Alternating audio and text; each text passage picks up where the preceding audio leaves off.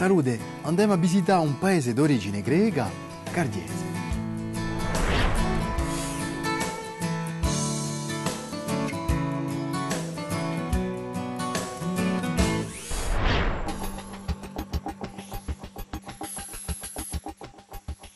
A chi mi intua un nome di Gardiese, gli viene subito a mente immagina di due iese che si stanno di punta.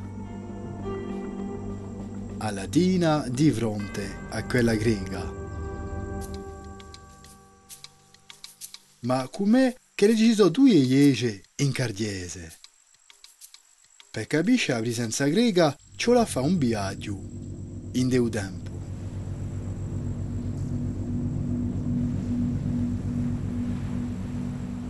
In 1675, 800 greci, perseguitati dai turchi musulmani, lasciano il paese di Tilone in Peloponese per andare in Genova.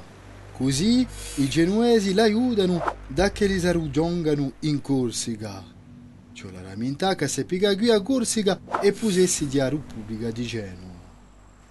In 1676, 680 grechi sbarcano in Antausito di Paomia sopra Cardiese.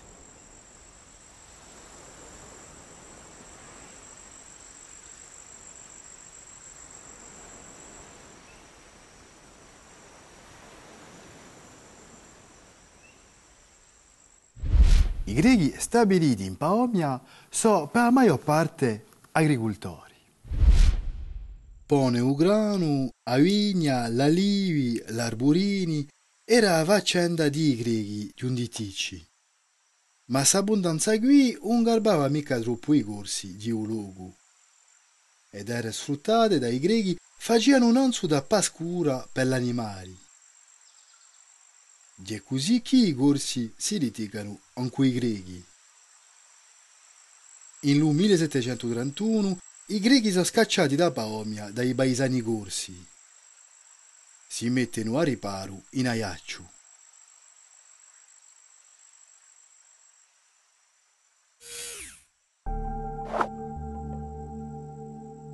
Dopo che Genova ha piaceduto a Corsica a Francia, è in 1770 che il conte Marbeuf concede ai greci una parte di un di Gardiese. La creazione ufficiale di una comuna è decisa da un decreto di un re di Francia il 1773 e tanto che le reti di grechi di Tilone si stabiliscono in Cardiese.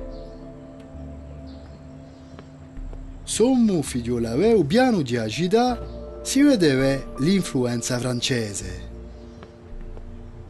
Ci vediamo di particolarità di uso tracciato. E strette sono belle dritte e gase sono pare. Tra il XVIII e il XIX secolo la comunità greca sarà di Ghedia in Cardiese.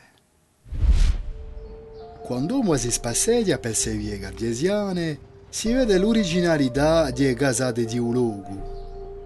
Dragacci, zanettacci, pappadacci, capodimacci, sono in vero nomi grechi che sono stati cursizzati dopo.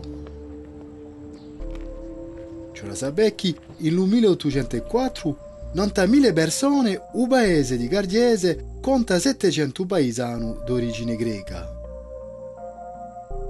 Da pure praticare la religione, la comunità greca faceva alzare una chiesa. Infatti, i greci di Gardiese sono chiamati uniati, a dire che li sono cristiani di rito ortodosso, integrati alla Chiesa cattolica. Tocco un 1852 è edificata una chiesa nuova. Compia vent'anni dopo, la chiesa San Spiridione era e sempre ora un simbolo forte della comunità greca di Gardiese. Ma entriamo a visitare questa chiesa greca famosa. Come in ogni tempio orientale, una delle particolarità di chiesa è l'iconostasi si vede a finezza di un travaglio. Secondo Stasi era prevista all'inizio per un convento in Roma. È stata concessa alla comunità greca di Gardiese. Sadramizzana spicca a Nawada dall'altare e di curata immagine sante chiamate icone. Qui si vedono i didai di l'icone che costituiscono l'iconostasi.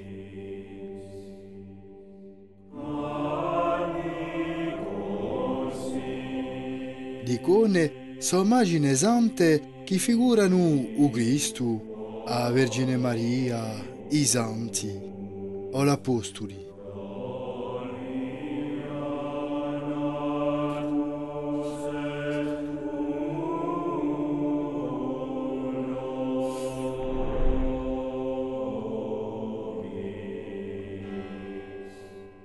Oggigiorno, anche se la lingua greca non è quasi più adublata dai cartesiani, il rito greco è sempre vivo e l'antico greco ferma la lingua della liturgia di cristiani ortodossi.